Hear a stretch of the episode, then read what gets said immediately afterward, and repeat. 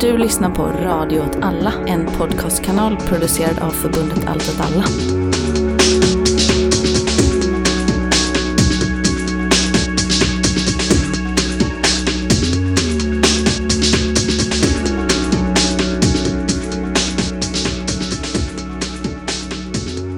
Hej och välkomna till avsnitt 9 av Rekreation. Och jag heter Martin och med mig har som vanligt... Kalle. Och d- Det är dagens... helt naturliga sättet att prata med varandra. exakt. Det, det är, när man spelar in podd så man pratar ex, på exakt samma sätt som man pratar vanligtvis. Ja, Det, det brukar vara exakt så här. särskilt jag. Ja. Jag brukar gå på så stan och så träffar jag folk när jag är med Kalle och säger Hallå! Mohammed, jag är med Kalle! Och så kanske jag stoppar dig och säger eh, Vi får ta lite det för, där. för låg energi. Vi får ta om Martin. det där. Och så blir det bara värre och värre och värre. Exakt. Eh, men dagens eh, avsnitt är en fortsättning på förra avsnittet. Mm, Och fortsättning på alla våra förra avsnitt. Ja, men vi har en kamp Mm. i podden mellan att se det här avsnittet, förra avsnittet, som en följetong.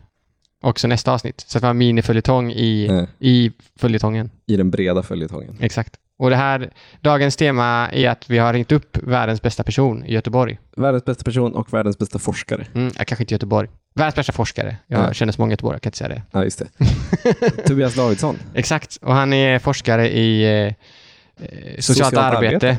Eh, och har eh, skrivit en eh, ganska halvkänd artikel då i Fronesis om hur eh, borgerligheten skapade idén om den liksom, bidragsberoende, som, är- bidragstagaren som är problem i och med alliansens valseger 2008. Mm. Och, Och hur det diskursivt beskrivs. När man säger halvkänd eftersom att man skrivit en text men men om- om man- så betyder det Om man träffar någon halvt halvt känd. Om man träffar någon som varit på en akademisk miljö de senaste tio åren och du säger kanske, jag lyssnar på rekreation nummer nio. Jag vill rekommendera det avsnittet. Det är ju han Tobias Davidsson. Han som är känd från Fronesis. Nej, det behöver du inte säga, för då kommer den personen, om det är en person då som rör akademisk miljö, eller i vänstern kanske, säga ah, Tobias Davidsson, han skrev en artikel i Fonesis som typ handlar om Ja. det jag sa. Och som är superbra. Som är superbra. Men, men han är väl lite eh, Foucauldiansk marxist. Ja, precis. Jag vill ju benämna honom som en Lazaratto-expert. Sveriges främsta Lazaretto-expert. Exakt. Men ehm, eh, ja, och nu håller han på med ett jätteintressant forskningsprojekt om eh, överskuldsättning. Men ska vi snacka om att det är val alldeles Ja, strax? vi kan ju börja där innan vi går till eh, goodiebagen och börjar plocka ut goa snack från en bra, jättebra intervju. Jo, jag tycker det finns eh, två intressanta saker med det här valet. Ett är att det är skit, eller tre då. Ett är att det är skittråkigt att följa. Ja. Jag är ändå så politikerskalle. Mm. Fast jag tycker att det har varit lite, lite twists and turns de senaste veckorna. Alltså så typ olika avslöjanden, typ Kalla fakta-avslöjandet, så SD-avslöjandet om att de Ha har trollfabriker. Ja, trollfabrik. Alltså så. Och är Men- superkriminella. Men det är så... Alltså på riktigt så, maffia. Ja, exakt. Maffia. Har så Contact. 80 kopplingar till HA. Ja, exakt. Ja, det är, I ett normalt val så hade någon brytt sig om det. Ja, det, för det är det. Alltså, jag köper tagningen. Det är ett jättetråkigt val, men inte för att det Rent objektivt så borde det vara väldigt, väldigt roligt. För Mm. att det besitter massa sådana roliga avslöjanden och sånt. Ja. Men eftersom att ingen, det inte blir något av det, så är det det tråkigaste valet någonsin. Mm. Och det skrevs en, eh, en ledare i DN av någon där. Mm. Som var så, som gick ut på typ, eller antagligen kultursidan eftersom han höll med lite grann. Mm. Eh, som var så att inget svenskt riksdagsparti har någon vision om, om Sverige om 20 år. Alltså ingen Mm. kunde presentera så här, det här är, är vad vi vill med Sverige, utan det är bara så här, här och nu. Eh, takes liksom. Det är Ja. så här, nu har, nu har det här hänt i Eskilstuna. Ja, då ska vi ADHD-testa alla tvååringar i förorten. Ja. eh, och så vidare. Det finns liksom ingen så vision för vad man vill med Sverige, förutom SD då som vill på något sätt tillbaka till en falsk dåtid, Mm. vilket också är ganska intressant. Så. Mm. Väldigt så postmodernt. Mm. Men ehm, utan alla diskussioner blir ju bara att man snackar så här om den här regeringskonstellationen kommer Ja, vara beroende det. av SD Ja. till så här många procent. Ja. Eller den här regeringskonstellationen kommer absolut inte vara beroende av SD, utan vi kommer, det kommer vara ungefär som nu.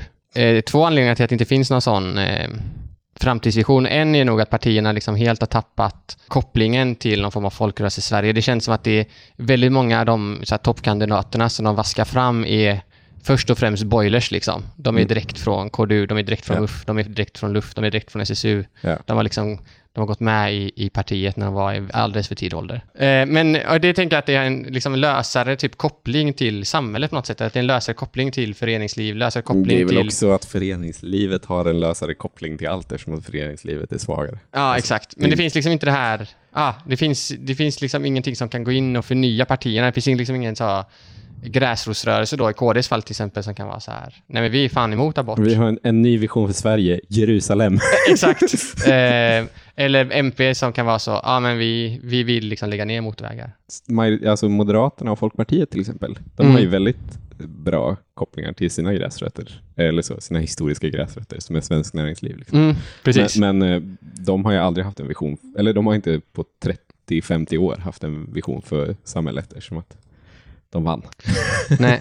Och jag tror också att den här avsaknaden av just politiska visioner och någon form av framtidstro, alltså att det finns en framtid om 20 år. Ja. Det är väl det de saknar liksom. De tror inte Ja. på att det finns en framtid. Nej. Men att det bygger också, eller det leder och bygger lite på att man också ser väljare som väldigt så här fasta kategorier människor. Ja. Att det är så här, okej, nu ska vi lägga fram de här policyförslagen, alltså politiska förslag. Mm. Eh, det här politiska förslaget kommer rikta sig till Agda, 72 år, Mm. eh, ent- entreprenör och eh, batikexa. Mm. Det går ut på det här. Mm. Eh, Det här förslaget ska rikta till- sig till Göran eh, Gustafsson, kärnfysiker och eh, eh, villaägare Ja. och så vidare. och så vidare. Så man delar, istället för att försöka skapa typ opinion så Ja. försöker man tilltala typ grupper som man redan tror är liksom politiskt mobiliserade i vissa Ja. frågor. Ja. Så man liksom vänder på det politiska spelet på något sätt. Alltså Mm. istället för att vara så, vi vill gå till val på att eh, ha eh, minikärnkraftverk överallt och Mm. vi mobiliserar liksom de här föreningarna, de får Mm. liksom få en plattform via vårt Alla de parti. som vill ha ett minikraftverk. På sin tomt liksom.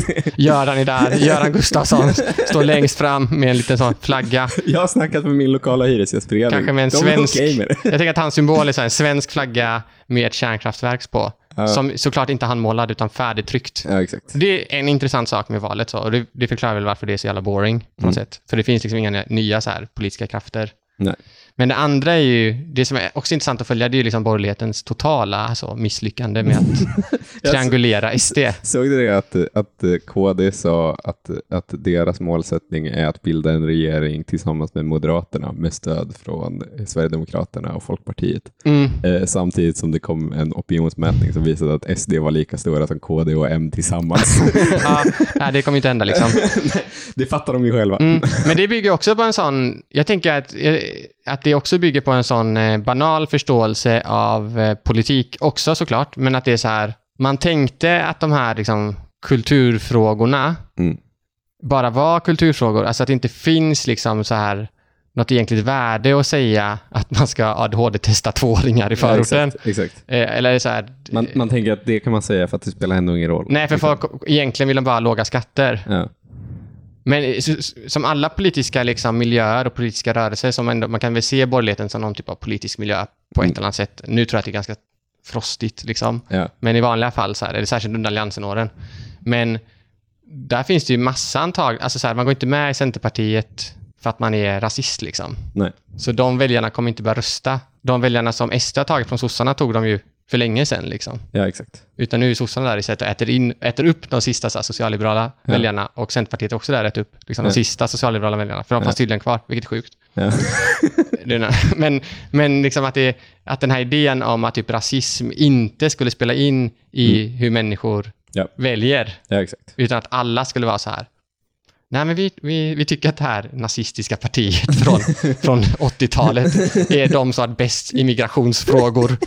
Det kan jag skriva under på. Ja. Låt oss rösta på Moderaterna. Så funkar det inte. Nej. Jag tycker också att det är... Eh, alltså det, det blir en lite ban- alltså nu blir det lite politiska spelet podden Mm. take från mig. Men jag tycker Kör. också att det är kul att, för, för att det finns ju, nu, nu kommer det också låta som att jag är en sån klientelist-människa som bara är så att det finns eh, fasta kategorier av människor och de tycker si och så och om man Mm. pratar med dem på si och så sätt så kommer de rösta på en. Det kommer låta som att jag menar Men det är bara för att du håller på med design. Ja, exakt. Jag är ju skadad. Men, Mm. men, men oavsett. Eh, de, eh, olika partier har ju olika förtroende i frågor. Så Mm. är det ju. Alltså, så Vänsterpartiet har ett jättehögt förtroende i vårdfrågor till exempel och därför pratar de hela tiden om sin vårdpolitik. Bara för att ju mer man pratar om vårdpolitik, desto bättre för Mm. Vänsterpartiet, för att där har de högt förtroende. Miljöpartiet har ju samma, eftersom att de, vare sig man vill eller inte, så har de högst förtroende i klimatfrågor. Mm. Så deras valstrategi brukar ju vara att bara tvinga folk att prata så mycket möj- som möjligt om klimatet, för att det hjälper Mm. dem oavsett vad. Eh, om, och SD har ju fruktansvärt högt förtroende i lag och ordning, eh, invandring, så kultur. Alltså de har jättehögt förtroende för, för de här, alla de här sakerna som Moderaterna och Kristdemokraterna just nu pratar jättemycket om. Så det, det är klart Men- att de tappar sina väljare för att de, de pratar om någonting som ett annat parti har högre förtroende Ja, för Moderaterna i, i sin väljargrupp. Liksom. Mo- Moderaterna har ju tidigare haft väldigt högt förtroende i just lagordning. Det har varit deras liksom, Ja, grej. Men, nu, nu är det ju, alltså, En annan spännande grej är att de har väldigt högt förtroende i skatter, ja, alltså ekonomi. de det är också roligt. bara prata skatt. Liksom. Ja, men där tänker jag också ha med det första poängen jag gjorde, nu blev det lite snurrigt här, men alltså det här med att man inte ser, ser någon framtid, för man ser inte heller det politiska sam, samtalet som någonting man kan förändra. Nej. Alltså, istället för att vara så här då, om jag sätter på mig moderathatten, Mm. så kanske, om man låtsas då att man är liksom moderat, så, så säger liksom en sd jag vet bygg läger i Norrland för folk med brun färg. Och så kan man säga, ja ah, men det är ett bra förslag. Mm. Men vårt förslag är också att man ska sänka skatten. Alltså förstår Ja. du? Alltså det finns liksom ingen ambition heller Nej. att liksom f- försöka få in andra saker i det offentliga samtalet, utan Nej. det är bara så här att... Man tänker att det offentliga samtalet är ju som det är, så då Ja, måste man exakt. förhålla sig till Exakt, det. men istället om det offentliga samtalet och också för den delen, liksom, jag tänker att det finns, visst det är en liksom, immigrationsfrågor, en, säkert en konfliktfråga på väldigt många arbeten. Mm. Det, det, är liksom, det har det alltid varit. Mm. Så här, det har alltid varit så här, fikarums, liksom, bråk om det. Ja. så sett. Men eh, det har också funnits andra frågor som varit viktiga och jag tänker att det också spelar, det är en växelverkan liksom. Man, Mm. Väljarna talar ju om för liksom, partierna att de här frågorna, frågorna tycker vi är viktiga, Mm. men det är också partierna som, ta, som ska skapa liksom, Ja. vad deras väljare tycker är intressant. Liksom. ja.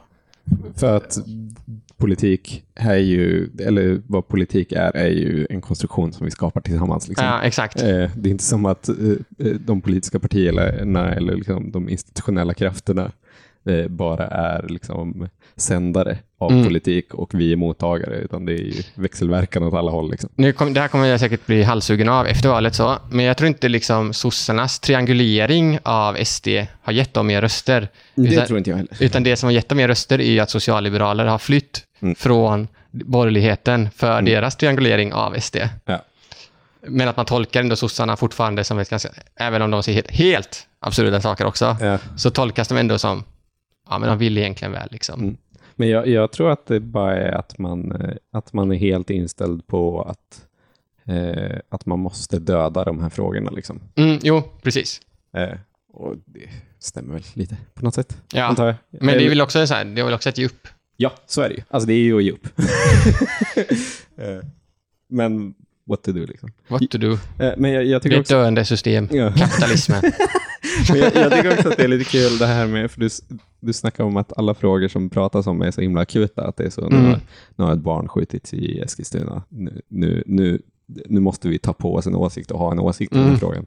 Eh, och att det aldrig är att man visionerar om ett samhälle om 20 år till exempel. Nej. Eh, jag tycker att det är intressant att alla frågor som är liksom stora på, ta- på tapeten just nu, som inte rör lag och ordning Mm. och, eh, och, och invandring, att de är ändå sådana väldigt liksom vardagsnära frågor på något sätt. Alltså så typ energifrågan. Mm. Att det verkligen är så, eh, hur ska vi få eh, göra så att folk inte behöver betala så himla mycket på sina elräkningar? Mm. Så det är liksom frågor som är väldigt nära människors vardag. Men vardagen i sig är liksom eh, en biroll i, i, i hur frågorna hanteras. För att det, de, de blir ändå på något jättekonstigt sätt så jättestora symbol kulturkrigsfrågor istället. Mm. Alltså att det inte, för just nu medan vi pratar så pågår det en debatt på SVT som jag kollade på snabbt innan, vi, innan jag gick hit. Och, och blev helt eh, tokig av för att det bara är, är så olika borgerliga tyckare som bara är så gör så stor kulturkrigsfråga av det. Att det är så, det är Idpol, eh, kosmopolit-vänstern som bara har kackat oss alla och tagit ifrån oss vår kärnkraft. Och så står det någon så sosse och jag så, nej men jag, jag tror ju att den här frågan är på allvar och att den är på riktigt och att vi kan åtgärda den med riktiga politiska beslut som, där vi förändrar institutionella ramverk. Och, och moderaten bara är så, det är en jävla svikare.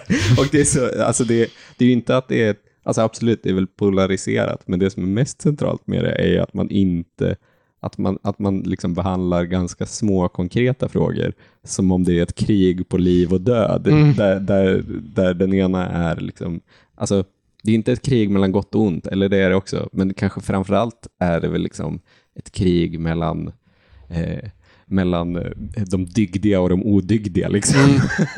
Men också, eh, minns du den tiden när, när, när energifrågan var ganska opolitisk egentligen? Ja. Du vet när det även fanns så liberaler som så, ny teknik, Ja, som miljövänlig. Fan, det är en ganska bra grej ändå. Exakt, ja. Jo, men det blir, det blir ju också, ja, nu pågår ju den här debatten just nu medan vi pratar, Mm. så nu, nu kommer jag säkert säga en massa Hur saker. ratear du dem då? Hur många stjärnor får de? Ah, jo, skit. Jag tyckte det var fett att en miljöpartist var så, när, moderater, eh, när de här moderaterna bara var så, det här är ett problem just nu och ni pratar om, om institutionella eh, förändringar, så, så sa moderat, eh, en miljöpartist bara så, ja fast din, din, din, din plan är ju att vi ska bygga kärnkraftverk om 15 år. det, är liksom inte, det är inte nu. Och, ja.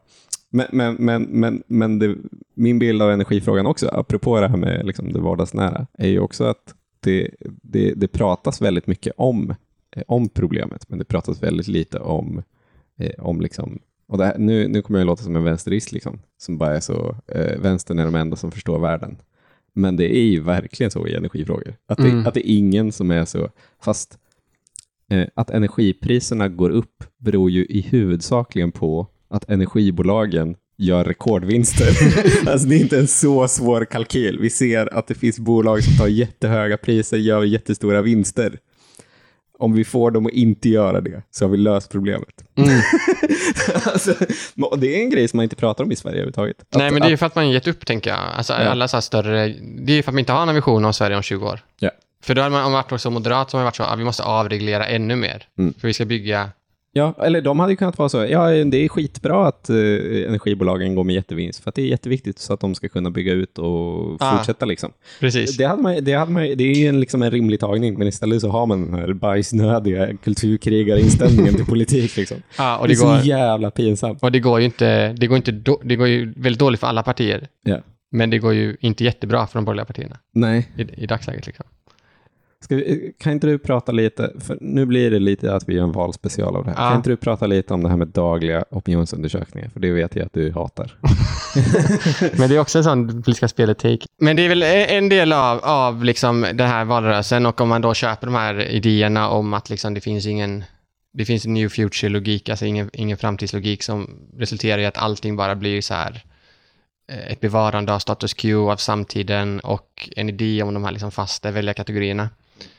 Så i det så är ju då, ingår ju också idén om liksom valet som en, det är väl som klassisk anarkistisk kritik egentligen, med valet som ett skådespel. Mm. Men det blir så himla uppenbart när det är de här dagliga opinionsundersökningarna som liksom inte ens opinionsbolagen som, som står bakom dem fullt ut kan stå för. för att liksom, det är så pass jämnt mellan blocken. Och det är väl det man kan säga egentligen, det är skitjämnt mellan de politiska blocken antagligen. Eh, och det visste man redan i maj. Mm. Men så släpper de här dagliga opinionsundersökningarna och eftersom det är så jämnt så misstänker jag att det innebär att det är en del Fluktuationer. fluktuationer mellan liksom vilket parti Mm. man väljer utifrån vad man har läst i tidningen eller vad det nu kan vara. Eller att en, en specifik grupp kanske är väldigt under... Alltså att det kan vara så att ett parti helt plötsligt faktiskt har en annan väljarbas som kanske inte svarar i så stor utsträckning på, Mm. på väljarundersökningar. Då menar jag inte SD utan det kan ju vara så att till, till exempel om Socialdemokraterna har fått ett ännu större stöd i Sveriges utanförskapsområden, vilket man kan Mm. tänka sig inte är helt otänkbart, Nej. så kanske de missas då. Ja. Och så, där, och så vidare och så vidare. Och sådana missar kan man inte riktigt laborera med om man ska släppa en opinionsundersökning varje dag. Och då Nej. blir det också att så här, en, det var ju någon på Twitter som skrev det, typ, att, att liksom vid lunch så hade liksom Mm. opinionen vänt då, så att de borgerliga ledde.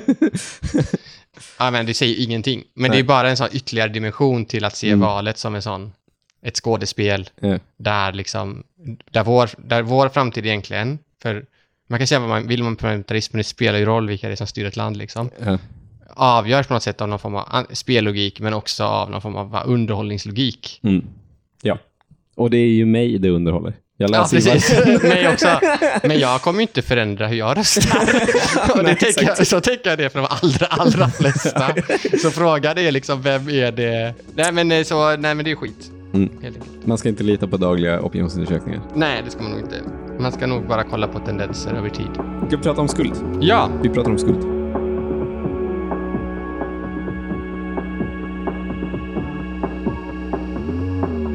jag har hittat på att vi har eh, en eh, tematik i vår podd i tre avsnitts tid Om styrning. av styrning. Och det är därför vi har bjudit in dig. Och det är för att du eh, forskar just nu om skuld. Så skulle du kunna berätta lite om vad du gör med den, i den forskningen? Absolut. Eh, men sedan, jag tror det är drygt ett år tillbaka, så håller jag på med ett forskningsprojekt. Ehm, vi ska hålla på i fyra år. Det är jag och eh, en kille, Erik Eriksson från Socialhögskolan i Lund, som fick forskningsmedel för att göra det här.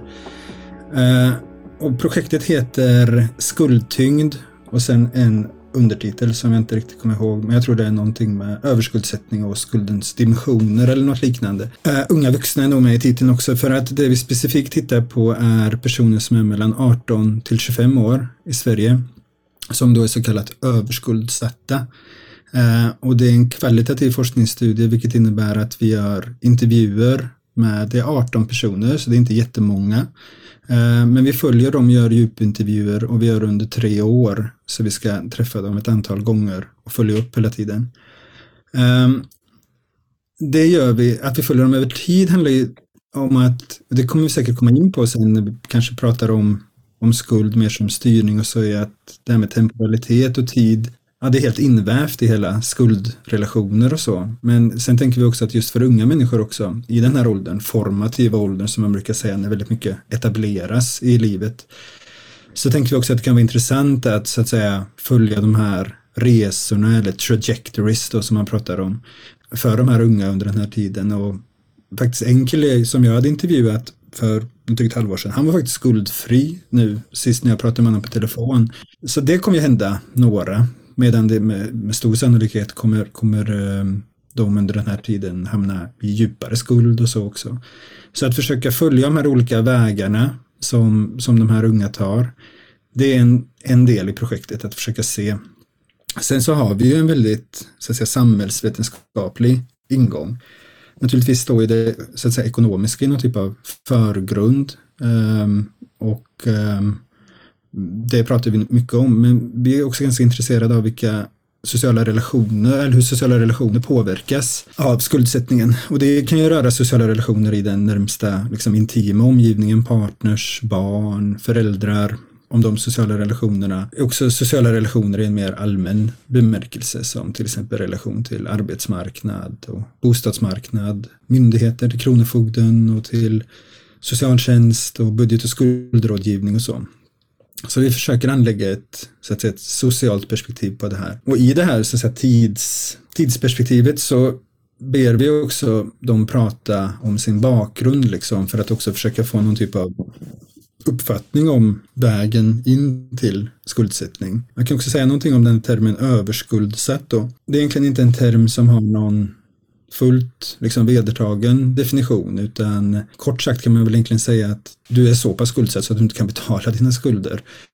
Eh, eller att du inte kan betala dina löpande utgifter. Eh, och resultatet i ett land som Sverige är ofta att, att du till slut hamnar hos Kronofogden. Eh, att, eller att din, din, din skuld eh, hamnar kron, hos Kronofogden efter en resa liksom mellan tusentals olika inkassobolag som har köpt och sålt den här skulden fram och tillbaka. Um, så, ja, så, så det är egentligen så som vi så att säga operationaliserade överskuldsättning. Det skulle vara att man var, ehm, um, har en skuld hos Kronofogden. Och hos våra, de personerna som vi intervjuat så rör det sig egentligen från ett par tusenlappar, de som har minst, till jag tror den som hade mest, en tjej som jag intervjuade eh, som hade 1,2 miljoner, hon var 22 år. Åh jävlar. i, i skulder. Och då är det inte ens säkert att alla är skulder, att de ens har, och det har ju, nästan ingen har ju koll på det liksom. Um, hur mycket har jag egentligen och så eftersom det valsar runt hos de här inkassoföretagen ganska så mycket innan, innan, innan det väl hamnar hos Kronofogden då. Men det kan man ju aldrig betala tillbaka. 1,2 miljoner. Nej, alltså det, alltså enda hoppet om, för det kan vi ju prata lite om sen, vad innebär det här liksom för ens så att säga, idéer om ens framtid och så, att vara så skuldsatt. Liksom. För det har vi ändå fått rätt så intressanta utsagor om. Men det är en extremt mödosam väg. Alltså det man kan hoppas på är skuldsanering ju. Eh, vilket gör att man under fem år får leva på existensminimum och sen så skrivs skulderna av liksom. Men det, och det är det alla hoppas på alla som är skuldsatta i princip ansöker om, om skuldsanering. Men det är rätt ovanligt att få det och där vid en ansökan om skuldsanering, där sätter, sätter du igång en sån rätt så rejäl moralisk granskning av både liksom hur du har hamnat i skuld och hur du har betett dig sedan du hamnade i skuld. Man försöker avgöra liksom viljan att bli skuldfri. Så att det finns en del intressant forskning om det som tittar på, på den typen av ansökningar och ja, de självpresentationerna man gör för att vara en så kallad värdig, eh, att bli värdig skuldsanering.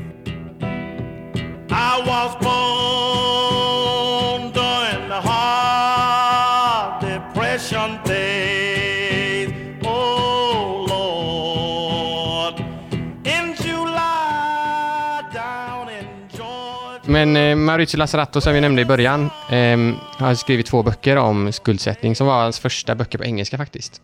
Men eh, han har skrivit The Making of the Indebted Man och Governing by Debt som kom några år senare. Och båda tar upp skuldfrågan. Och man ska ha med sig då att båda böckerna skrevs ju, eller gavs ut i alla fall, jag antar att han har funderat lite längre på det här, för det är väldigt många referenser. Han känner en Ubermensch. Men i alla fall, eh, i och med 2008s ekonomiska kris. Mm. Eh, och det var ju en skuldkris, alltså att man gav ut massa lån mm. som var jättedåliga. Ja. Och sen upptäckte man att de här lånen kan ingen betala tillbaka. Och så ja. kraschade, eh, kraschade bostadsmarknaden för fattiga amerikaner. Ja. Och då blev det kris. Och sen, blev det, sen kraschade bostadsmarknaden för fattiga greker. Ja, fattiga, fattiga spanjorer. Ja. Alla och så var det någon i Italien också, var det kris också. Men det är ju alltid kris. det, kriser kommer till mm. Italien. Mm. Och det var ju kris här också. Ja. ja. men här var det ju väldigt... Ja, men jag kände ändå det som fick gå så från sitt jobb. På grund av nedskärningar. Ja, det var väl, och uppsägningar. Det var väl också, i Sverige var det väl mycket snack om, eh, vad heter det? Det var ju stora liksom, eh, fabriksnedläggelser då. Mm. Eller man sa upp väldigt mycket personal för att orderingångarna på Volvo till exempel och annan industri minskade väldigt kraftigt. Och också då surprise, surprise, byggandet. Ja. Så det var ju framförallt de branscherna som drabbades hårdast. Och då löste man ju den här krisen.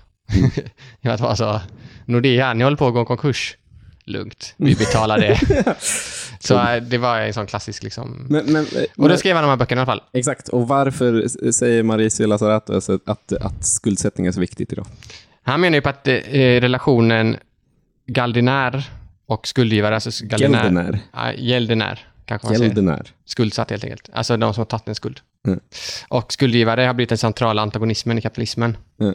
Och det här beror på en rad olika saker. Dels så menar han, det här är ganska kul, att han eh, sticker ut hakan och, och börjar liksom gräva lite i Nietzsche och så. Ah, nice. Och kom fram till, och så hittade något manuskript av Marx någonstans, kanske kapitalet, jag vet inte riktigt. Men mm. eh, hittade lite ammunition där liksom. För att påpeka då att skuld, är, eller så här, relationen skuld skuldtagare och skuldgivare liksom den egentliga relationen för kapitalismen. Mm. Det är det mest liksom grundläggande. Ja, och det är alltid en asymmetrisk relation också. Ja. Eftersom den skuldsatte ju alltid ligger ju, har ju ett problem där, med, precis som eh, Tobias eh, berättade. Ja. Alltså att det, det är väl asymmetri i maktrelationen.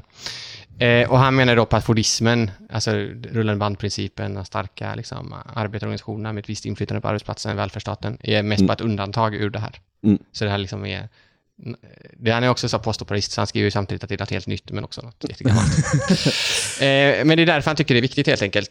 Och då menar han ju på att då har han ju olika sätt att förstå skuld. Dels har man ju den här liksom klassiska, vad ska man säga, ja, men från Nietzsche där med moralismens genealogi typ. Mm. Alltså hur man ser på moral, att, att vara skuldsatt är omoraliskt och så vidare. Mm. Och där finns också maktdimension.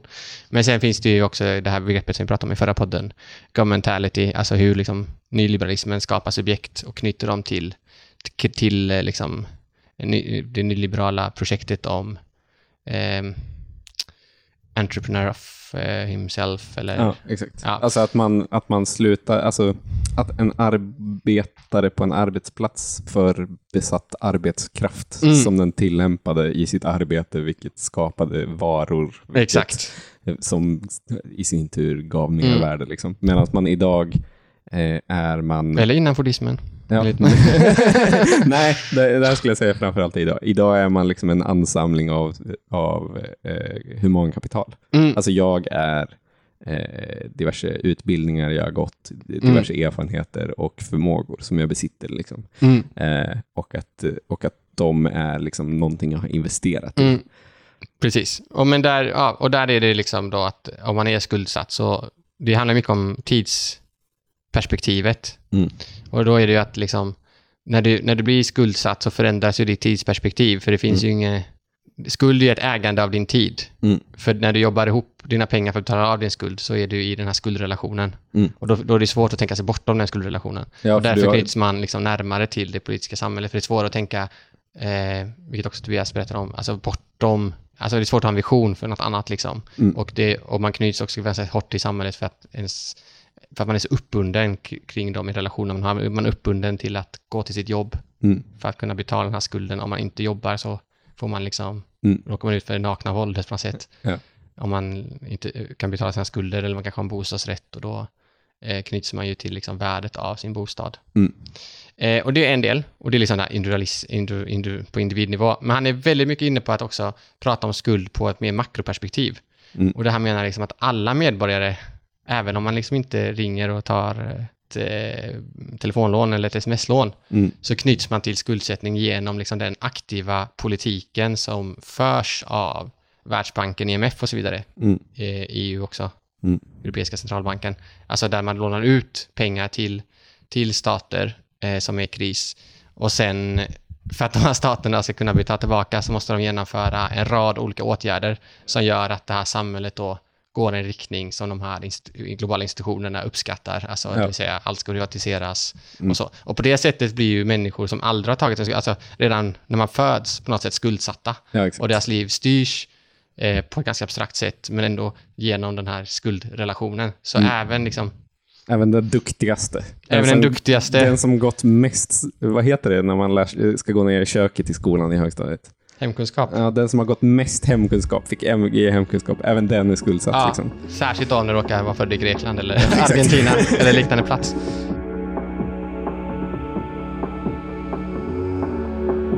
Sk- Skulle man då kunna säga att det finns en, typ, en, en, en liksom optimal skuldsättning?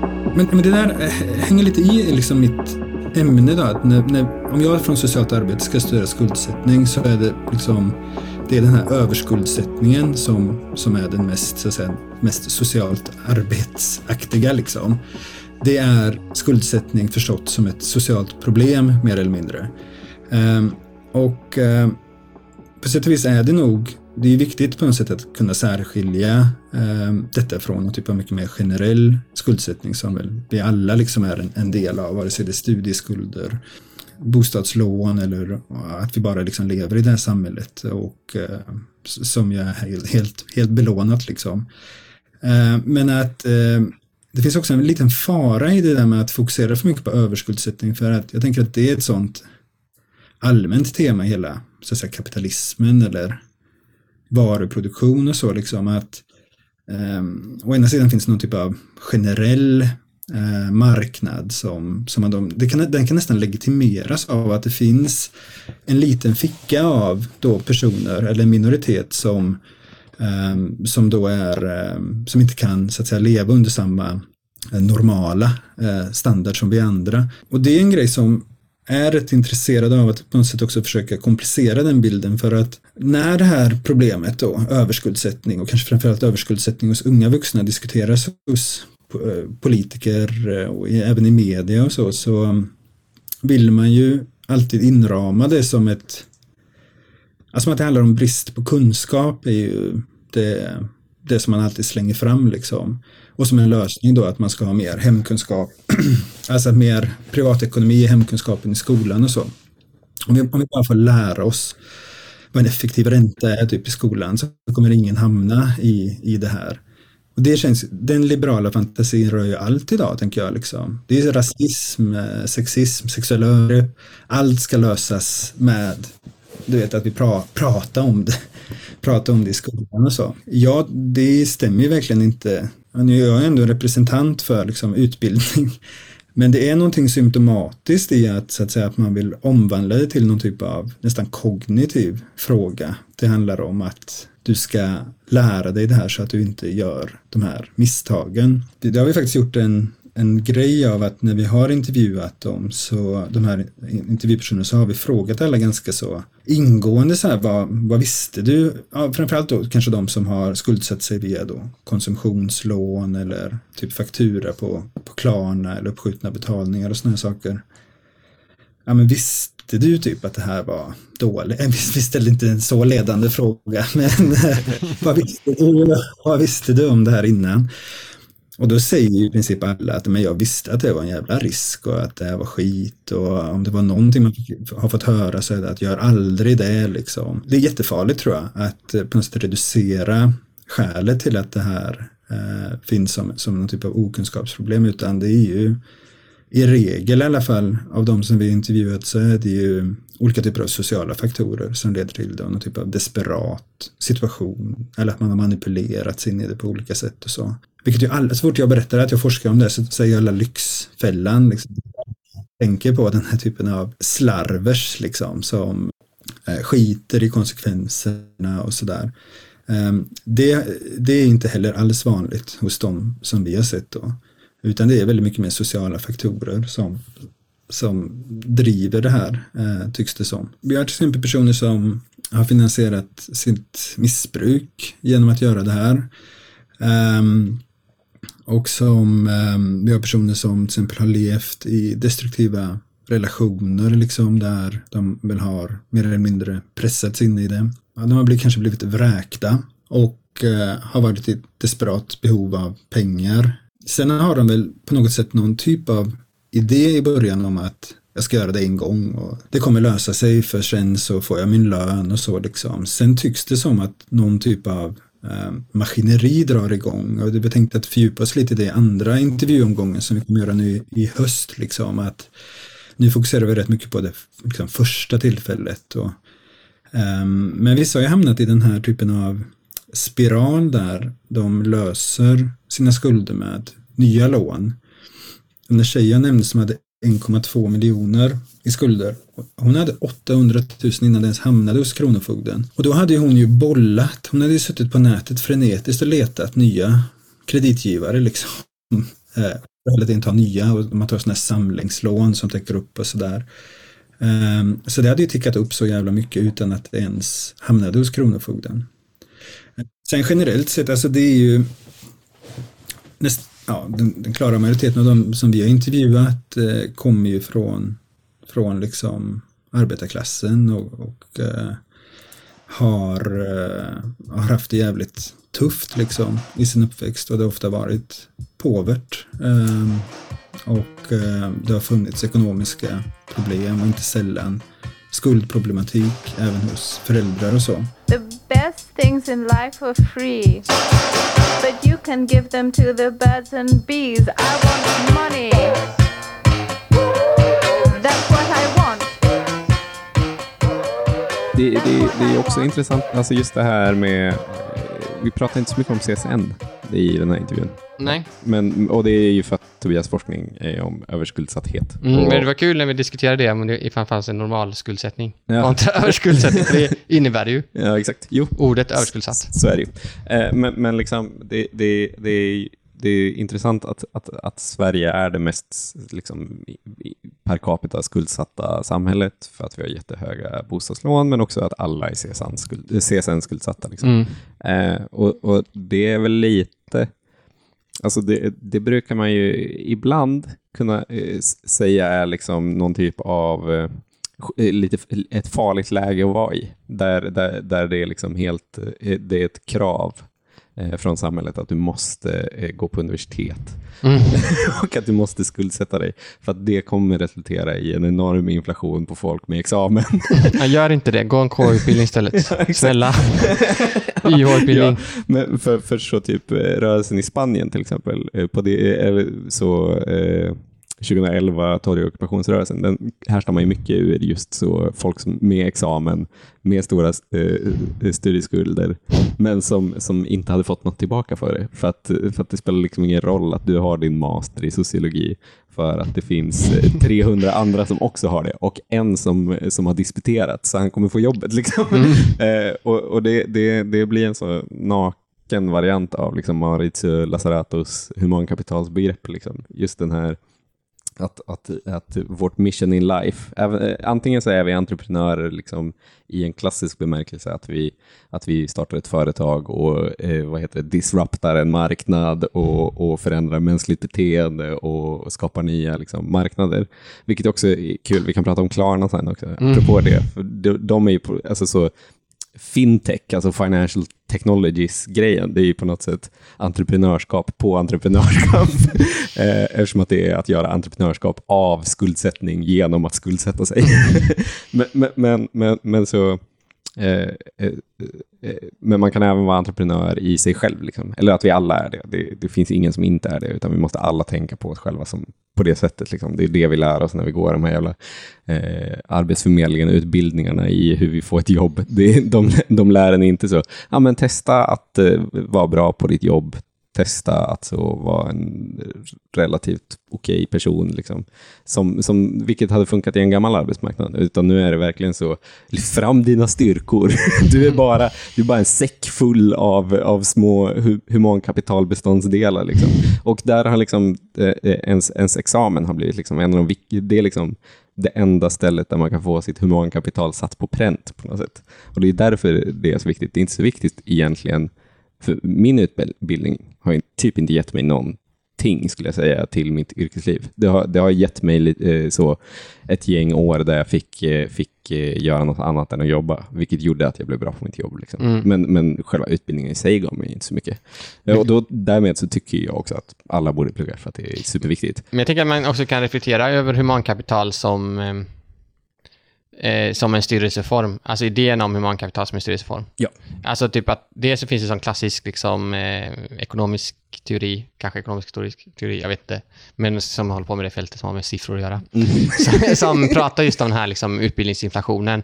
Och då i den diskussionen så är det ofta så att utbildning mer har en funktion av en screening än Mm. att faktiskt exakt. lära ut Ja, vissa saker. Det, det är att det är det sättet där ditt humankapital kan liksom befästas. Ja. så att du, ditt humankapital går från liksom flytande form till fast liksom, Ja, i det här pappret. exakt. det, det är liksom, du, kan, du kan besitta exakt samma färdigheter, liksom, men, men det finns de som kan bevi, visa det med papper. Liksom. Och där har ju, eh, där tänker jag att det finns massa sådana liksom eh, mikro, som Deleuze och Guattari skulle prata om, mikromakt. Nej, men att det finns liksom massa sådana saker som i vår vardag också tvingar oss hela tiden till att hela tiden tänka på vad, våra kunskaper och vad vi kan, Ja. vad vi skulle kunna kunna Ja. om vi inte kollar på TikTok tre timmar. Ja. Det kommer typ upp TikTok-videos som är så här, titta inte på TikTok nu, utan gå ut och gör det här. Det, Eh, det, alltså fan, Och att det finns massa det här jävla liksom... samhället är så, alltså det är ju, alltså Klarna, entreprenörskap genom entreprenörskap, TikTok som är om att man inte ska kolla på TikTok, liksom. det, det, är, det är något så shisekianskt över allt i vår Ja, samtid just nu. verkligen. Men, eh, men också typ att man alltid i sin smartphone har en stegräknare till exempel, som man alltid ska vara så här, ja men idag har jag gått 5000 steg, fan det är under de här 10 000 stegen, jag måste Mm. gå mer. Ja. Eller men det finns liksom hur många sådana appar som helst, man kan ha en klocka som mäter ens eh, Ja. blodtryck, Ja. eller inte blodtryck, jo blodtryck, Puls. puls ja, Jag kan pulsen. sånt här. Eh, och sådär, så att man helt enkelt... Och det roliga är då att man kan tänka sig liksom om man, om man jobbar på ett stressigt jobb Mm. så spelar inte den där klockan så stor roll. Nej. Det Det är så här, kommer, Oj, ja, jag är stressad nu. Ja. Jo, men det känner jag nog eftersom jag precis har svimmat här liksom, i operationssalen som undersköterska på Malmö sjukhus. Men det finns ändå en sån liksom, inbyggd liksom, idé om det här liksom, självförbättringen ja. och att man aldrig liksom, ska vara nöjd med någonting, utan det finns alltid så här, ja men lär dig ett språk till Mm. eh, via liksom Duolingo eller eh, bli lite starkare eller eh, gå den här extrautbildningen i Excel eller vad fan det nu är liksom. Att man hela tiden ska lägga på saker till det här liksom, pappret Ja. och, och på det sättet liksom avancera i livet. Finns också, som jag kan tycka, nästan någon typ av problem i att utifrån ett politiskt perspektiv och så, så drar man väldigt tydliga skiljelinjer mellan skuldsättning och fattigdom. Men att vara skuldsatt innebär ju, alltså för alla de här personerna, en, att de är, de är fattiga helt enkelt. Så det har vi också försökt prata ganska så mycket om med dem att, men vad innebär det? Hur lever man liksom? Och de ger uttryck för de är rätt raffinerade strategier och metoder och så för att undvika sociala sammanhang som kostar pengar, tenta öl eller jag tror jag har haft två eller tre personer som har sagt att de, de har gett upp dating liksom. För man kan inte dejta någon om man är skuld. Dels att man inte har råd typ att köpa en öl. Ehm, dels att som någon sa att om, om någon hade berättat det för mig, då hade jag lagt vad säger man, fötterna på ryggen direkt stuckit liksom. För att det är ju den moraliska, om vi ska prata Lazzarato liksom. Och en grej jag tänkte på så här innan den här intervjun var att det här med någon typ av skuldekonomi som vi lever i och hur den så att säga, subjektiverar oss och hur den formar oss och skapar oss på olika sätt. Jag tänkte på den också i termer av alltså en mer kraftfull och på något sätt samverka till en typ av så att säga, arbetsimperativ. För att ja, men- man tänker så här, arbetsideologin, eller vad fan man nu vill kalla det, eller tvånget att arbeta under, under kapitalismen, den har vi på något sätt arbetarrörelsen urskilt tidigt som problematisk. Och ändå ägnat en del energi åt att eh, försöka bekämpa, i alla fall mildra, liksom, både genom att, så att säga, strejka eller genom att kräva sänkt arbetstid, men också liksom genom olika välfärdsreformer och så som gjorde att ja, det var inte fullt så blodigt att vara arbetslös som det var i tidiga industrikapitalismen. Så det är på något sätt så identifierat som ett problem, vilket jag tror gör att, så att säga, positionen som arbetslös, trots liksom den tiden vi lever i nu och den extrema stigmatiseringen naturligtvis av arbetslöshet som finns, så går det nästan det här med skuldsättning som en typ av moralisk, den skuldsatte som en moralisk klandervärd person liksom, som också totalt individualiserar sin egen förståelse av varför man har hamnat där. Den är mer extrem känns det som. Det var en tjej jag intervjuade som, hon hade levt ett tag på socialbidrag, så försörjningsstöd. Och det med, som forskare i socialt arbete eller som socionom, det är det första man vet att det är jättestigmatiserat att försörjas via, via försörjningsstöd. Och den, det är en jävla kontrollapparat man, socialtjänsten kollar kvitton och ni vet allt det där. Och, sen, sen, och nu hade hon skuld hos Kronofogden och eh, försörjdes på något annat sätt. Jag kommer inte ihåg riktigt vad, hur. Men jag frågade just henne om det här med, med skillnader i så här skam och stigma och så liksom. För de här olika positionerna. Hon sa att tveklöst så det här med att ha skuld hos Kronofogden var mycket mer skamligt. Att det skulle inte hon berätta för någon. Eh, Hennes, hennes partner visste om det. Hennes övriga familj så visste inte om det. Medan det med socialbidrag, ja men det var skämmigt liksom. Men vem kan inte hamna där liksom? Jag var med den här allmänna förståelsen. Och det är en intressant grej med den här Lazzarato när han ändå drar tillbaka det ända till den här Nietzsches, vad heter det, moralens genealogi. Den där sen liksom om att den här skuldrelationen är någon typ av ursprunget till asymmetriska maktrelationer.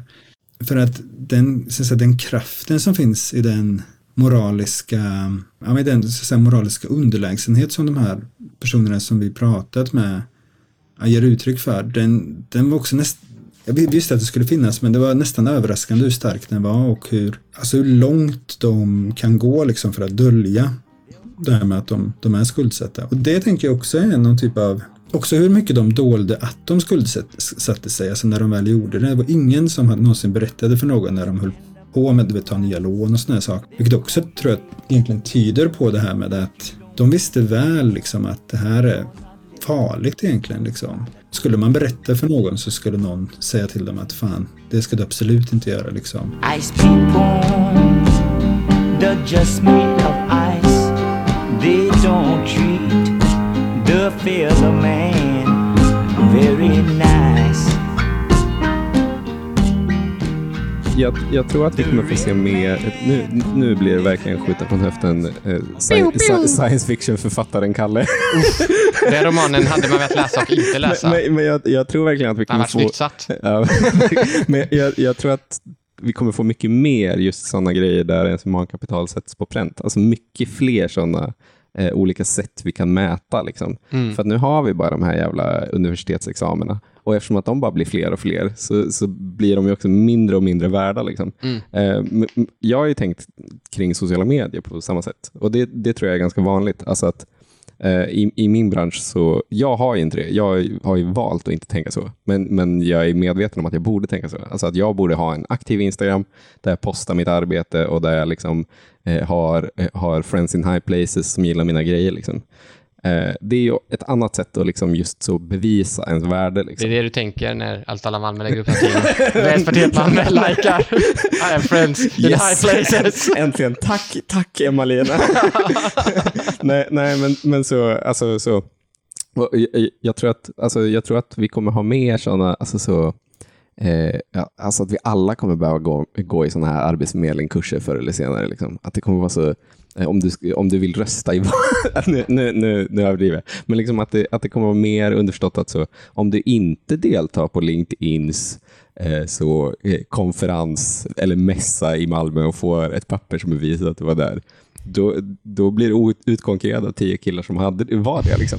Alltså jag tror att det kommer att mer, bli mer och mer just att man, och det är lite en så klassisk cyberpunktagning, just, men jag tror att det kommer bli mer och mer att man behöver liksom bevisa sitt värde. Mm. För, att, för att det här med att man kan inte ha ett samhälle som bygger på humankapital när humankapital är så svårt att bevisa på något sätt. Det gör ju att alla processer blir väldigt krångliga. Jag vet att det är eh, många arbetsplatser som nu har, eh, har slutat ta emot personliga brev och sådana saker och bara kollar på CVn och, så, och, och satsar helhjärtat på intervju istället. Bara för att det har blivit så himla mycket svårare att liksom mäta människors kap- humankapital. Liksom. Och, och, och den viktigaste av alla humankapitalegenskaper i vår marknad, det är eftersom att, eftersom att arbetsmarknaden eller så produktionen är bio, biopolitisk så är den affektiv. alltså att det bygger på känslor. Så den, den viktigaste egenskapen att ha, det är att vara socialt kompetent. Och det går inte att sätta på pränt. Men jag, Nej. tror, jag, jag tror verkligen Om du det, inte går den sociala kompetentkursen ja, då. det är det jag menar. Jag tror att det kommer bli, alltså att vi kommer behöva göra sånt. Men då, nu sa ju Guattari, de pratar ju också om mikromotstånd. Ja, just det. Och det tycker jag också man kan skymta, bara att det inte är sånt mikromotstånd man kanske vill ha, men som liksom faller in i den här nyliberala logiken fortfarande, men som är så här, skit och utbilda dig, satsa på krypto. Var en grej innan, men nu verkar det vara annat sånt, nu är det en drejeri. Men att det finns en sån tendens också, att det, just nu så är det verkar liksom eh, motståndet mot idén om Mm. humankapital inte så mycket vara Nej men fan, det, det här verkar inte kul att vara med i. Nej, Utan verkar vara mer så här, men du kan bli rik så här lätt Ja. om du gör det här istället. Du kan bli kungen istället. Liksom. Ja, du kan bli kungen av TikTok. Men, men, men Platsen är ledig nu. Ja, Andrew ja, Tate är bannad. men, men, men, ja just det, bli, bli kungen genom att trafficka kvinnor. Ja, Eh, och, och hålla på med något oklart pyramidspel. Som Ja. heter dessutom Hustlers University. det är så jävla sjukt. Men, men oavsett vad, jag, jag tycker att det, det är också intressant just att, så, att den här, det riktiga entreprenörskapet, eh, det är ganska ofta folk som inte har, eller så, eh, i myten Mm. om dem är att de ganska ofta inte har så formella utbildningar utan att de bara är genius. Liksom. Det, det är lite intressant att just det här regelrätta klassiska entreprenörskapet på många sätt går lite emot ant- resten av entreprenörskapet som bara är samhällets. Liksom. Att det är två olika typer av entreprenörskap. Mm. Verkligen.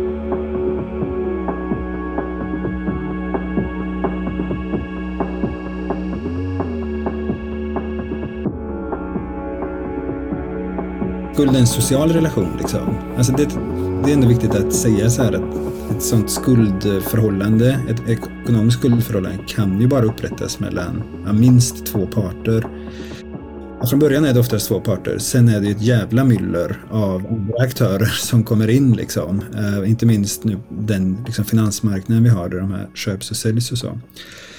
Så skuld är en typ av en relation eh, mellan ja, minst två parter. Och då brukar man ju säga att en är fordringsägare eller borgenär, det vill säga det är den som har eh, beviljat en kredit eller lånat ut pengar. Och en gäldenär då, som är den skuldsatte.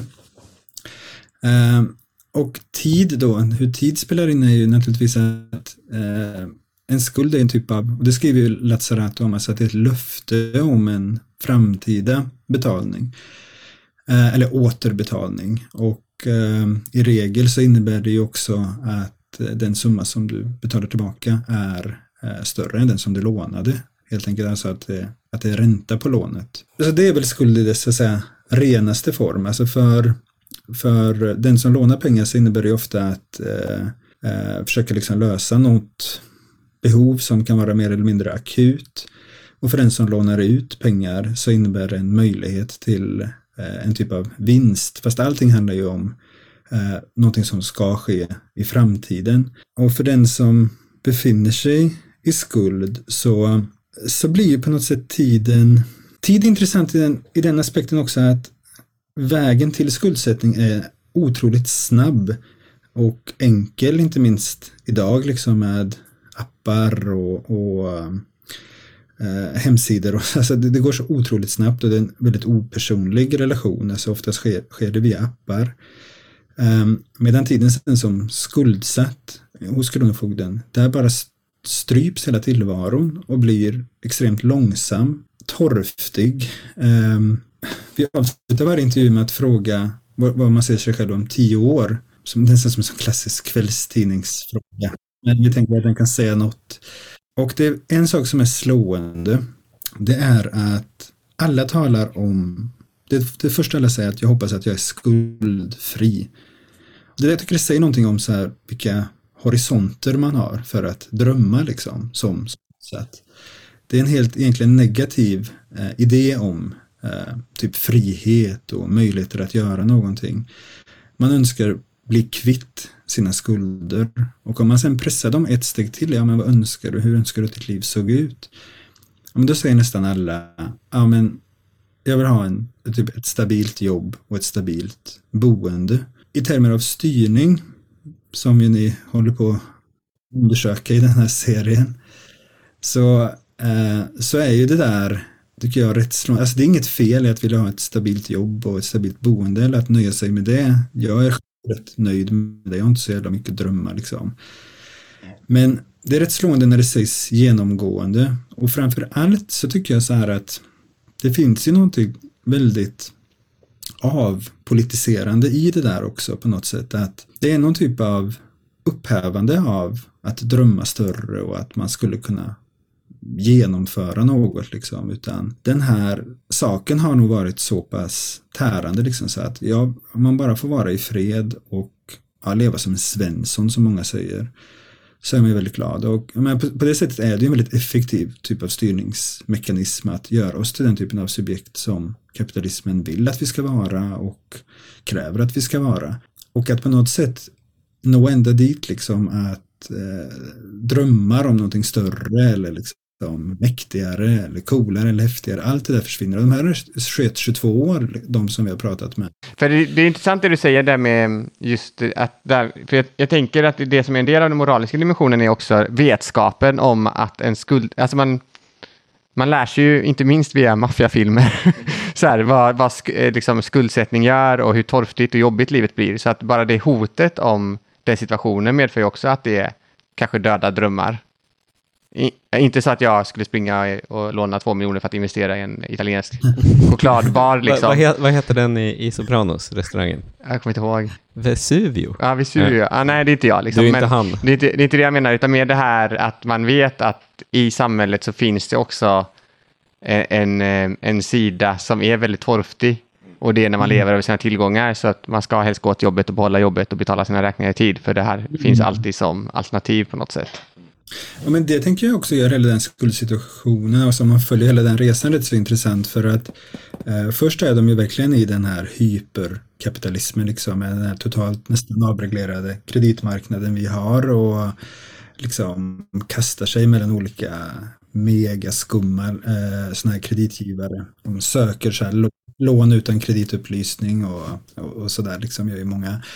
Eh, så man är i den, men sen på något sätt, och där är ju på något sätt ja, men ny, nyliberalismen i sitt esse liksom, eller governmentality liksom. Du är fri enligt de här ramarna liksom att göra dina egna val. Ehm, men, eh, men du gör det liksom hela tiden i, i den riktning som så att säga det här samhället har satt upp. Men sen kommer ju när de väl hamnar hos Kronofogden, då kommer ju det här, tror jag, som du ändå, alltså så att säga, statens mer nakna våld liksom, ehm, Ehm, är helt massivt och monumentalt liksom, som det inte finns någon eh, utväg ur. Utan då kan de mäta ut dina tillgångar och några, någon kille som jag pratade med sa bara får de göra, de, de tar pengar från min lön Får, får de göra det? De typ. Fick förklara, ja men det, det får de. För det, så att det blir en väldigt abrupt, um, att de bara kastas rätt in i det där stenhårda, mycket långsammare, mycket mer byråkratiskt där finns det konkurrerande marknadsaktörer idag. Till Kronofogden skulle man kunna säga, men framförallt till här budget och skuldrådgivning som är en sån kommunal tjänst som är kostnadsfri, alltså där man kan vända sig och få lite hjälp. Det finns ju massa nu privata aktörer som frontar sig som, så att säga, skuldrådgivare och så, men gör emot betalning. Så det finns en hel svans av aktörer som vill tjäna pengar på de här skuldsatta människorna. Och de säljer ju ofta den här idén om att vi gör det snabbare.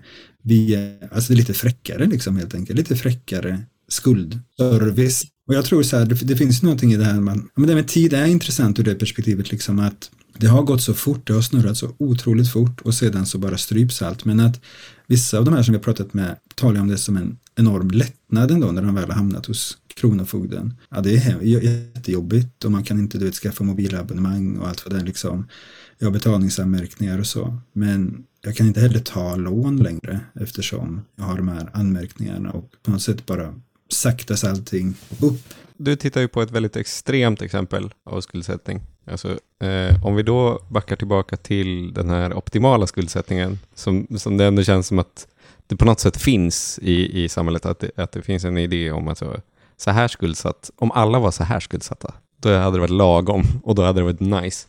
Men, men, men kan man utifrån liksom att titta på just det konkreta av överskuldsatta, går det att säga någonting om liksom, skuldsättning mer generellt? Men jag tror det ändå. Jag tänker så här in, inom så här samhällsvetenskap så, så talar man ibland om det här med att, att genom att undersöka ett extremfall så får man ändå korn på någon typ av tendens liksom. Och till exempel vad beträffar det här med styrningen, alltså vi har till exempel intervjuat rätt många som de har inte råd att sjukskriva sig, de jobbar på flera olika jobb. Men jag hade en kille intervjuad som sålde sex för att kunna betala eh, tillbaka sina skulder. Den typen av disciplinering, den tror jag är helt utbredd och helt allmän. Det räcker att höra sina vänner med sina bostadslån och sådär. Alltså den paniken, den stressen som uppstår nu liksom med ränteläget och så som det är. Eh, den gör ju naturligtvis att, säg att du är i dåligt förhållande och funderar på att skilja dig eller du vet gå isär. Eh, jag är rätt säker på att man, rätt många låter bli att göra det när det ekonomiska läget ser ut som det gör. Man kanske undviker att skaffa barn eller man kanske inte vågar sluta ett pissjobb liksom för att man måste ha eh, den där inkomsten. Naturligtvis, alltså det som vi tittar på är mer extremt i den bemärkelsen att det är inte heller säkert att de har större skulder som vi eh, intervjuar utan vad fan, folk med bostadslån och så har ju enorma skulder. Men de har ju också har lite högre inkomster så det är den relationen däremellan som, som man liksom fattas hos dem som vi. Men där, vi är ju bara en, liksom en sprucken bubbla från att det här ska spridas rejält liksom. Och när vi pratar med Kronofogden och så, de säger att de har fortfarande skitmycket folk där från 90-talskrisen. Som är, man kallar dem för evighetsgäldenärer. Alltså att man tänker att de kommer aldrig kunna betala tillbaka utan de de far runt där liksom. Den här typen av ideologi som vi lever i, den lever helt uppenbart på lånad tid liksom. Ja, men det kommer ju bli brutalt uppvaknande för jättemånga och det man då hoppas på och det är en del av det som vi hoppas på med det här projektet också är att det finns någon forskare som har sagt så här att skuldrelationen är ett kollektivt, kollektivt fenomen som så att säga erfars och uthärdas individuellt. Det finns ju ingen organisering runt skuldsättare och så i Sverige. Det finns någon liten, liten förening liksom som heter insolvens men som jag tror är Eh, mycket en produkt av 90-talskrisen och som absolut inte kan locka de här unga. Eh, utan det, fin det, finns ingen sån typ av, inte ens på nätet liksom. Det finns inga sådana typ forum och så ens liksom knappt. Det finns lite Instagram-sidor men de är också så här, jag var fattig, jag var skuldsatt, nu ska jag bli miljonär. Det är mycket den temat liksom. Så här, politisk organisering av skuldsatta, det existerar inte i Sverige. Dels tror jag det har med den här moraliska liksom, överbyggnaden att göra, liksom, att folk skäms så himla mycket så att de, de pratar inte med varandra om det. Det, det är verkligen ett, ett problem att det inte betraktas som ett politiskt problem i, i större bemärkelse. Det tror jag gör att man så ännu mer håller det för sig självt. Men eh, det är väl också ett sätt eh, på något sätt i förlängningen att, eh, om vi återknyter till mentality och sådär, att försöka göra att folk tänker på egendomsrätten, att det blir en mer central eh, parameter i ens liv när man fattar olika beslut. Och då är det ju att många är just skuldsatta när det kommer till bostäder. Och att när man är skuldsatt till sin bostad då är det plötsligt en helt annan relation, det har jag varit inne på tidigare, men en helt annan relation till bostaden och också till sig själv och hur man ser på sig själv i relation till andra. Att, att liksom även om väldigt, väldigt många har väldigt, väldigt stora lån med en naiv idé om att de kommer sälja med vinst. Det ska liksom, det går, det går bara uppåt i den trappan liksom. För så fort någon inte gör det, så är det, eller så, det är omöjligt att alla kan vinna på det. Ja, men För... idén är att alla ska vinna på det liksom. Ja, men det är liksom en matematisk omöjlighet. Mm, precis, men att det gör ju också att man eh, får helt andra intressen när man eh, ska liksom fatta typ politiska beslut eller politiska sympatier eller eh, hur man ser på en stad eller sådär. Ja, det är väl den här klassiska att Thatcher lät arbetare köpa loss sina bostäder. Eh, att hon tog makten för att det skulle göra dem mer borgerliga i val och så. Men att men egentligen är det ju, det är precis som du säger, det där är ju, och det är jävligt intressant ändå att man på något sätt man, det, det, det tar alltid term, folk i termer av investering. Liksom. Det här är en investering eh, när man eh, tar ett bostadslån för liksom, monopolpengar som det känns som. Jag tycker man hör så vänner och så här när de sitter och budar. Jag får panik liksom. Är så här, nej men vet vi höjer med 200 000. Det sitter någon där som känner lika mycket som jag och bara vad fan. ju inte liksom. Men att det blir ju väldigt låtsas. Men så legitimerar man ju det då med mm. att det är en investering du kommer få tillbaka det. Så vad händer när det där dras undan sen liksom? Ehm, jag tror ju på sätt och vis att på samma sätt som de här överskuldsatta som vi har intervjuat som på något sätt vet att det här är en lögn, att det här är fel, så tror jag att människor innerst inne vet att det där, precis som du sa Kalle, liksom, det är ett omöjligt liksom. Det är omöjligt att jag skulle kunna vinna på det här. Att ehm, de här värdena som har trissats upp kommer aldrig kunna realiseras. Det här är pengar som inte finns, det är pengar som liksom man helt bara hittat på. Och förr eller senare så kommer ju liksom den materiella verkligheten sätta sina gränser och då kommer allt falla som ett korthus. Någonstans, man behöver inte liksom, jag tror inte att man behöver ha pluggat ekonomi eller sådär för att fatta att det inte håller. Jag tror ju ändå innerst inne att folk fattar det på något sätt, men att det där är väl ideologin i dess renaste form att vilket man själv kan känna igen i vissa beteenden man ägnar sig åt att det här är skadligt och felaktigt men jag gör det ändå.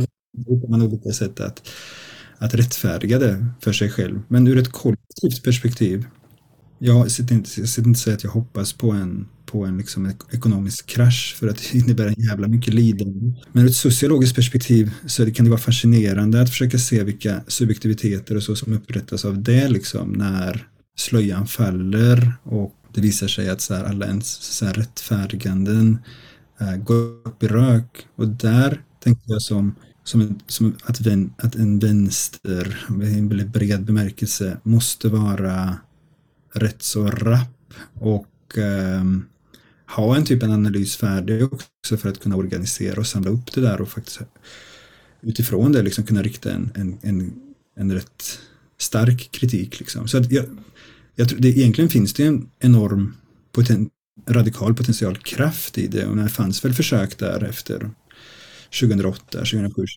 2008 där, alltså med såna strikes och, och sådär. Sen, Occupy, hela Occupy-grejen var en stor del och det här med studentlånen i USA, det kändes ju som att det var någonting på G där liksom. Men den frågan dog ju också ut, det blev ju aldrig någon typ av jättemobilisering runt, i alla fall inte på ett ihållande sätt. Men jag, jag kan inte därför säga att det inte finns potential. Liksom. Alltså vi letar alla efter det här nya revolutionära subjektet. Liksom. Men att, jag vet inte om den skuldsatt eller det här som Lazzarato säger, vi är indebted men liksom om det, om det är det liksom. Det kan också vara för allmänt för att kunna vara det, jag vet inte. Men, men det är klart att man önskar att, att vi liksom kunde artikulerade som det, som en liksom, orätt som har gjorts mot oss alla liksom och som vi borde kunna så att säga, mobilisera oss runt. Och,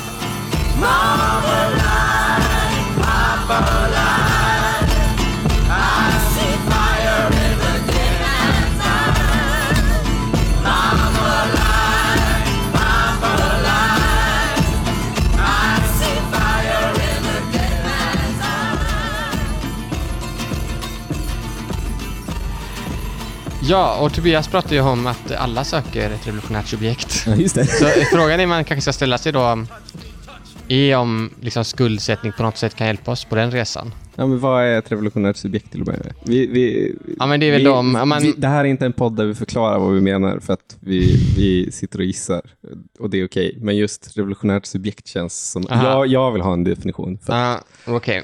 Mm. Jo, så här. Varje, varje samhällsformation har enligt vissa teorier då, mm.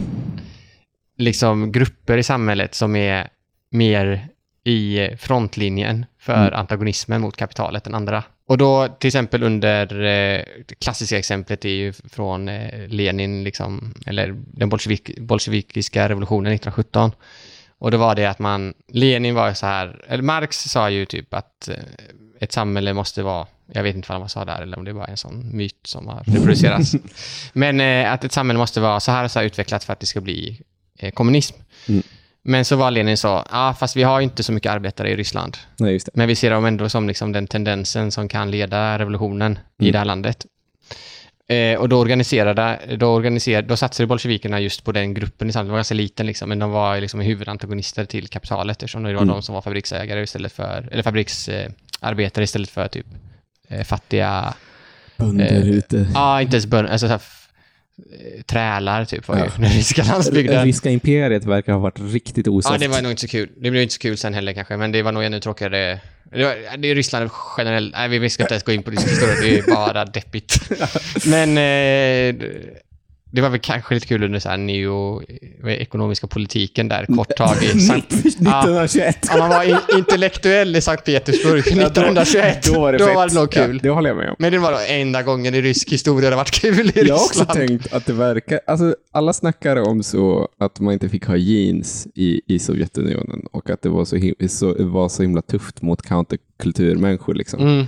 Men jag har ändå sett mycket bilder på så punkare och hårdrockare i Sovjetunionen och de såg alltid jätteglada ut. Mm. Och det, de verkar ha haft det rätt gött. Men sen, sen fattar jag att de troligen inte hade det. Men, men en sån hade man kunnat tänka Ja. sig vara. Men det är väl det när man pratar om ett revolutionärt subjekt så letar man liksom efter en, en, en grupp människor som under liksom samhällets betingelser eller omständigheter ska bli liksom mer i antagonism till det rådande på något sätt. Det är ändå en idé om att så här, det kan vara intressant att tänka typ om man är specifikt i den här situationen då, som i det här fallet är skuldsatt, är man mer intressant att, eller är det större chans att den gruppen liksom på något sätt kommer skapa en rörelse som ställer sig mot kapitalet än en annan grupp? Det är väl det man menar, tänker jag. eh, Eller? ja, absolut. Fick jag, fick Och jag B Du- eller jag F? tror att du fick godkänt. Ska jag skriva upp det på min humankapital? Ja, exakt. Nej, jag kan typ förklara revolutionärt subjekt, Ja. ungefär. Men, men om jag då ska erbjuda en lite an, alternativ förståelse av vad ett liksom avantgarde är, så, så tar jag den från Marx. Eh, för det, det, alltså, absolut, Marx har den här idén om ett revolutionärt subjekt, arbetarklassen, proletariatet, som omkullkastar allt. Liksom. Det, det köper man ju. Men, men i ett, apropå Ryssland och att det var riktigt bull i ryska imperiet, så skickade ju eh, eh Marx ett riktigt eh, kryddigt brev till någon eh, sosse i, i, i Ryssland på 1800-talet. Och med sosse på 1800-talet menar man ju då alltså troligen antingen så klotbombsanarkist eller kommunist. det, det var sossarna då. Liksom.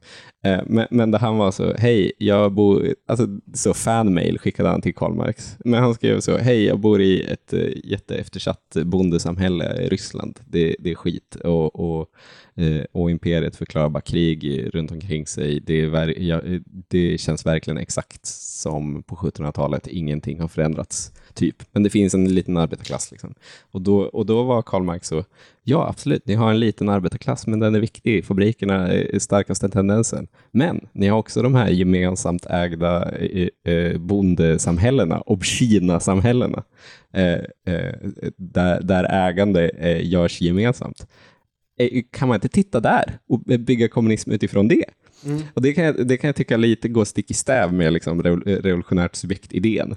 För att det är ju på något sätt att man istället för att tänka kring ett subjekt som står i frontlinjen i en antagonism så, så ser man istället eh, möjligheterna, eller så fröna till en postkapitalistisk framtid, eller så fröna till en, en konstitutionen av en ny ordning, liksom, inom en existerande ordning. Mm. Eh, eh, och och, och det, det kan jag tycka i regel är liksom mer spännande än att leta efter de revolutionära subjekten. För att de revolutionära subjekten är ju just så människor, människor som har det tufft men som också får specifika möjligheter till att agera emot saker. Medan jag kan tycka att, som vi pratade om i Exodus-avsnittet, att det, det roligaste är att hitta fröna till något annat. Liksom. Nej, men jag håller med dig, men jag tror att de, alltså, de två sakerna också går att förena.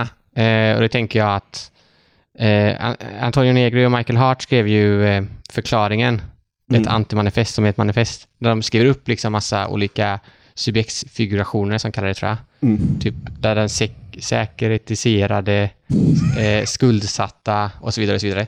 Och liksom vilken potential de här olika subjekten från 2008 och 2008 års kris och eh, proteströrelsen under 2011 hade. Mm. Och det tänker jag är ett ganska intressant sätt att se på politik. Ja. För som du var inne där med de hög, högutbildade spanjorerna, Mm. eh, då är det ju också att det är ett intressant sätt att, att analysera, kanske sig efteråt. För jag tänker att om typ de skuldsatta i Sverige skulle liksom bli en politisk kraft, så är det inte för att någon antagligen utifrån har liksom agiterat Nej. så mycket, utan det har varit mer att det har skett någon form av växelverkan kanske mellan skuldsatta och en annan grupp i samhället. Mm. Antagligen någon snäll tant och kyrkan har varit med Ja. på ett hörn eller någonting sånt, Exakt.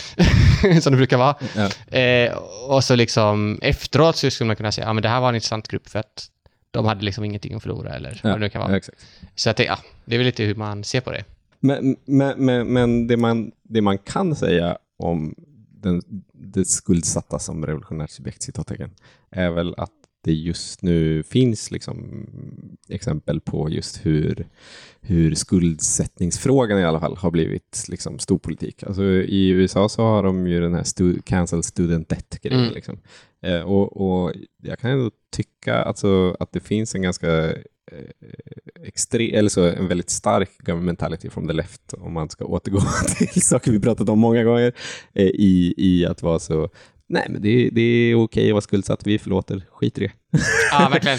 Och det tänker jag är ju, och, men också, jag tänker man kan tänka då inom revolutionärt subjekt, eh, citationstecken, eller vad man säger, att man kan också se det som typ, vilka, frå- alltså, vilka grupper är det som kan hamna i en situation där de ställs inför ett faktum där liksom den här antagonismen kommer behöva spelas ut på något sätt. Mm. Och om man då i Sverige till exempel, kanske en, inflation, en ganska hög inflation, men där det egentligen är typ matbolagen som höjer priserna.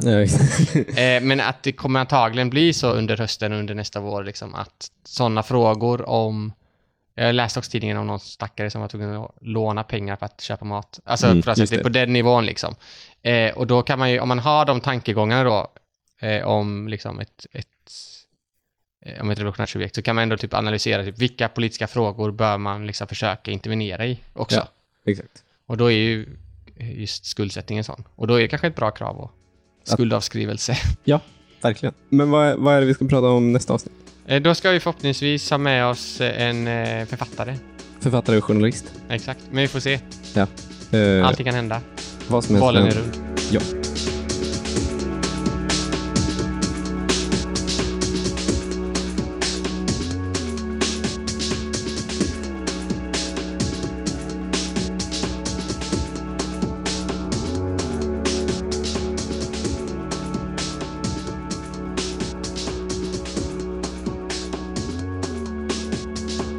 Man nere på en plats och så, och så är det ett sam- panelsamtal Och så är det ett bra panelsamtal.